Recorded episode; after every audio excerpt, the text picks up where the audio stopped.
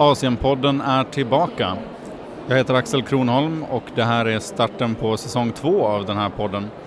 Vi har några förändringar i hur podden kommer låta och hur den kommer göras. Det kommer framförallt att höra mig framöver. Eh, min kära kollega Wilhelm Stockstad har fått barn och har av ah, förklarliga skäl andra prioriteringar just nu.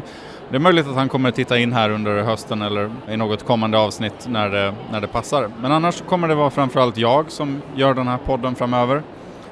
Som ni kanske hör så är det ett himla surr här. Jag är på Bokmässan i Göteborg och det här första avsnittet så ska vi tala om ett av 1900-talets blodigaste krig, det är Koreakriget.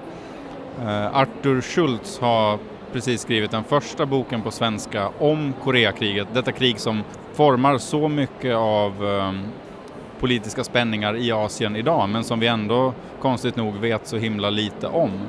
Alla har vi läst böcker och sett filmer om andra världskriget, om Vietnamkriget men Koreakriget är mycket mera bortglömt och det ska vi bidra till att ändra lite på eh, här idag. Jag fick en intervju med Arthur Schultz tidigare idag här på Bokmässan där han är med sin nya bok Koreakriget.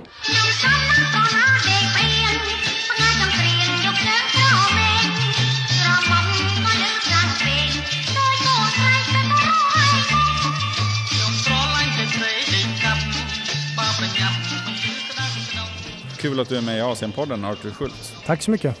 Du har skrivit det som nu är den första svenska boken om Koreakriget. Hur började ditt intresse för Koreakriget och Korea? Eh, jag har alltid haft ett intresse för eh, konflikter efter andra världskriget också, eftersom andra världskriget är ju det som jag främst har sysslat med.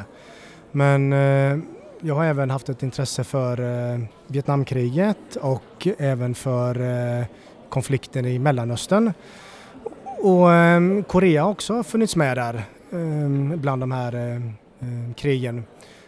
Sen är det ju så att Korea är ju ständigt eh, dagsaktuellt. Och sen så när jag tittade lite närmare på detta så insåg jag att det fanns som sagt ingen samlad skildring av det här kriget på svenska. Det finns eh, någon bok som avhandlar till exempel den politiska utvecklingen men då är det bara så i, väldigt specifikt till exempel eh, krigsutbrottet och sen fram till att Kina går in i kriget och och sen så finns allmänna böcker om Korea där Koreakriget avhandlas väldigt kort. Så att det finns liksom ingen som ja, beskriver helheten. Och om vi ska sätta scenen lite då till där kriget tar sin början. Så det är ju, Japan har besegrats 1945, det är gamla kolonialmakten som har, som har härjat i, i Korea. Sovjet och USA lägger beslag på varsin del av halvön och tanken från början är ju att de här två delarna ska enas, att det ska bli ett Korea. Det visar sig sen vara svårt av massa olika skäl och stormakterna har olika intressen men förmodligen hade det kanske varit svårt annars också. Jag tänker på de här splittringarna du skriver om i boken i det koreanska samhället mellan olika klasser och grupper. Kan du berätta lite om vad det är för splittringar som finns i Korea vid den här tiden? De här konfliktlinjerna löpte längs med olika eh, spår så att säga. En konflikt rörde de som hade, mellan de som hade samarbetat med den japanska eh, kolonialmakten och de som hade varit motståndare till den. Eh, det var en, en väldigt allvarlig eh, konflikt. Och sen så var också samhället splittrat rent ekonomiskt. Alltså det, det, fanns ju ganska många, de allra flesta koreaner var fattiga men det fanns en klass av eh, ganska förmögna jordägare. Och även där hade man en konflikt. Eh, sen har vi mellan arbetare och fabriksägare så det var en typisk, vad ska man säga, eh, fråga om eh, social rättvisa. Vi, de allra flesta ville ju att den skulle öka medan de förmögna kanske inte ville se samma utveckling, i, inte i samma utsträckning i alla fall. Men jag tror att den viktigaste eh, biten var just det här med eh, eh samarbetsmän kontra motståndsmän. Det var den eh, främsta liksom, konfliktytan och kan man se om de här konflikterna, alltså överlappar de? Var det i större utsträckning jordägare och fabriksägare som också samarbetar med japanerna eller hur, hur eh, så var det, eh, så var det faktiskt. Men sen så fanns det också en grupp av människor som eh, till exempel sökte tjänstgöring inom polismakten och polismakten var ju naturligt kopplad till kolonialmakten. Vi har även folk som ehm, blir militärer i den kejserliga armén och fram till 1944 om jag minns rätt så var det, eh, kunde man gå in i krigsmakten på fri, eh, frivillig väg. Men efter 44 så eh, tvångsrekryteras koreaner in i den japanska armén. Så många gör liksom mm, karriär som polisbefäl eller som underbefäl eller till och med underofficerare och officerare. Jag ska passa på att nämna att det finns, jag har en poddkollega som heter Jon Thunqvist som driver Japan-podden och där har de ett avsnitt om just Japans koloniala förehavanden. Så om man vill lyssna mera på den biten och vad japanerna hade för sig så, så kan jag rekommendera det avsnittet. Hur som helst, i norr så väljs eh, Kim Il-Sung som ledare, i södern så väljer USA Sygman Rhee. Kan du säga någonting om de här respektive ledarvalen? Vad, vad är det de ser i de här eh, typerna som de väljer? Kim Il-Sung var inte eh, Moskvas främsta eller första val.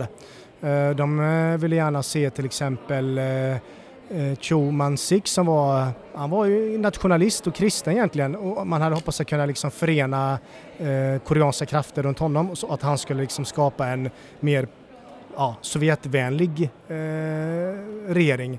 Men han ville inte ställa upp på det. Man tittade även på eh, det koreanska kommunistpartiets ledare men eh, man valde bort även honom eftersom han, han kom från Seoul och han var inte speciellt känd i nord, i Nordkorea. Men då har, då har man en grupp av eh, koreaner som hade varit bosatta i Sovjetunionen som hade flytt till Sovjet eh, för att undkomma då det japanska stödet i, i Korea. Och bland den här gruppen av koreaner fanns eh, Kim Il-Sung.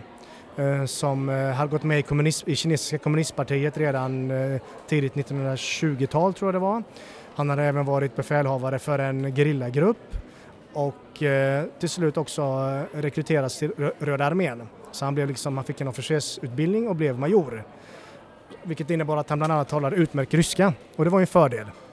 Eh, så att när de här andra hade fallit bort, de andra kandidaterna, så tyckte man ändå att Kim Il-Sung kanske skulle kunna vara den som axlar liksom manteln som en ledare då för den eh, nordliga regimen. Om man istället tittar på Syngman Rhee så eh, var han, eh, han var kristen, högernationalist kan man säga. Han hade varit väldigt aktiv inom eh, exilkoreanska kretsar i USA bland annat, men även i, i eh, Shanghai. Eh, han hade doktorerat vid Princeton, så ja, talade utmärkt engelska. Eh, och när det ganska nybildade koreanska demokratiska partiet eh, tittade på tänkbara kandidater, alltså vilka kandidater de kunde föreslå för den amerikanska ockupationsmakten. Då eh, ville de gärna ha någon som inte hade varit, haft någon koppling till den japanska kolonialmakten tidigare. Och i och med att Sing-Marie hade levt större delen av sitt liv i exil så hade han inga, han hade liksom inga eh, kopplingar till den tidigare eh, historien i, i, Korea så att säga. Han hade inte varit inblandad på någon sida och han, det var ingen som liksom kunde eh, kritisera honom för vad han gjorde eller inte hade gjort så att säga. Man föreslår honom som kandidat och accepteras även av eh, amerikanerna. Han hade inga tidigare band till eh, japanerna men hur, hur hanterade de här båda sidorna de här eh, konflikterna som vi tidigare pratade om i det koreanska samhället? Fanns det någon skillnad i hur väl man liksom lyckades eh, spela runt dem och navigera i det? Ja, eftersom regimen i norr skulle vara socialistisk så var i propagandan så tryckte man på att det var liksom en arbetarstat där man skulle öka den sociala rättvisan, fördela jord, så man genomförde en jordreform 1946-47 där man skulle ta eh, jord och från de rikare jordägarna och fördela ut på de fattiga bönderna till exempel. Det var ju en populär eh, åtgärd bland de fattiga bönderna men kanske inte bland de här rikare jordägarna då, som också flydde eh, söderut i ganska stor utsträckning. I syd så väljer amerikanerna istället att liera sig med den här jordägarklassen, storföretagarklassen eftersom man, eh, man hade ändå en antikommunistisk agenda. Och det var det viktigaste för amerikanerna, att ledarskapet i Sydkorea var antikommunistiskt. Och då föll valet på de mer förmögna klasserna så att säga. Och eh, man eh, lova, utlovar också en jordreform, precis som i norr, men den, den kunde förhalas tack vare att, ganska, att, att de här jordägarna hade ett inf, också ett politiskt inflytande då i, i Singmaris regim. Um, så att um, det, det, det, såg olika ut i, i de här olika landsdelarna.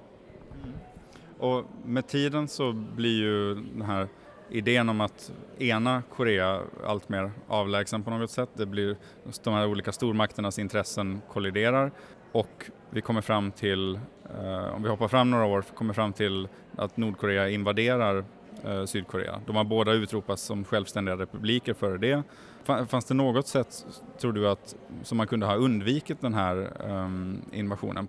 Så som situationen såg ut så eh, tror jag inte att man hade kunnat förhindra det. Ja, det är möjligen så om Kim Il-Sung då, som, hade, som, sökte, som hade sökt stöd hos både Stalin och Mao för ett angrepp, om de hade agerat på samma sätt som amerikanerna gjorde med Syngman Rhee.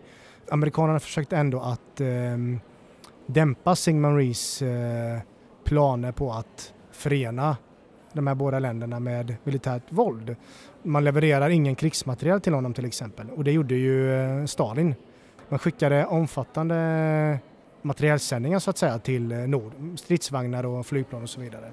Så att, eh, men så som situationen utvecklades från eh, 49 och även tidigt 50 då var det nog ganska oundvikligt att, att ett krig skulle bryta ut. Ja, Sydkorea blir ju ett väldigt lätt byte där med tanke på att amerikanerna inte backar upp dem men Nordkorea är starkt militärt. Så. Ehm, det, kriget som följer eh, beskrivs ju som väldigt blodigt och det är ungefär 2,5 miljoner civila som stryker med, det är 10 procent av Koreas befolkning. Vad var det för um, grymheter som utspelade sig? Alltså hur, hur kunde så många stryka med? Eh, det hade eh, framförallt att göra med eh, den amerikanska taktiken också som byggde på överlägsen eldkraft. Det vill säga man eh, skulle bomba fienden sönder och samman. Eh, och då var det flygbombningar, omfattande eh, artilleriinsatser, krigsfartyg som bombade kustremsor och så vidare. Så att det är huvudorsaken till att eh, så många strök med också. Sen får man inte glömma bort att ganska många civila dog i rena vedergällningsaktioner. Och framförallt i syd så var det ganska omfattande utrensningar av presumtiva kommunister eller folk som man misstänkte var kommunister eller som skulle kunna samarbeta med, med nord. Då. Det var nästan att man hade en, det var en paranoid liksom eh, atmosfär som, som rådde. Eh, och eh, det var tiotusentals människor som eh, dödades av sydkoreanska säkerhetsförband eh, från krigsutbrottet och några månader framåt när, när Nordkorea invaderade så visst, man genomförde också massavrättningar men inte alls på samma skala. Inte alls i samma skala som Sydkoreanerna, Sydkoreanerna utsatte den egna befolkningen för så att säga. Föregicks det av någon rättslig process eller var det utomrättsliga avrättningar? Det var utomrättsliga avrättningar. Alltså I staden eh, Tejon så eh, tog man helt enkelt eh, internerna och det handlade om 3-4 tusen människor Eh, först skulle man bara välja ut de som hade döds, eh, redan dödsstraff sedan tidigare. Sen skulle man ta de som eh, avtjänade tio, minst tioåriga straff men till slut så väljer man att avrätta alla i stort sett. Så man tar dem, kör ut dem i lastbilar utanför staden, gräver gropar och sen så får de ett nackskott. Det här är ju ett krig som vi generellt vet mindre om än andra stora krig som andra världskriget förstås men också Vietnamkriget. Ehm, varför tror du att intresset eh, ser så annorlunda ut när det gäller Korea och Koreakriget? Dels så har det att göra med att vi har ett kulturflöde från den anglosaxiska världen, alltså Storbritannien och USA. Och där är Koreakriget det är ett bortglömt krig för dem eftersom eh, USA upplevde sitt stora trauma i och med Vietnamkriget och för Storbritannien så var Suezkrisen eh, 1956 mer skadligt så att säga för den egna ja, nationella självbilden än vad Korea hade varit. Och dessutom så betraktar man ju, även om man i propagandan eh, utropade seger i Koreakriget så förstod man ju att det här var ju inget, det var ingen, inget krig som vi vann så att säga. Eh, och sen så har vi även populärkulturens inverkan. Det, fanns, det finns en del filmer om Koreakriget, amerikanska, men de allra flesta kom, var gjorda på 50-talet, början av 60-talet.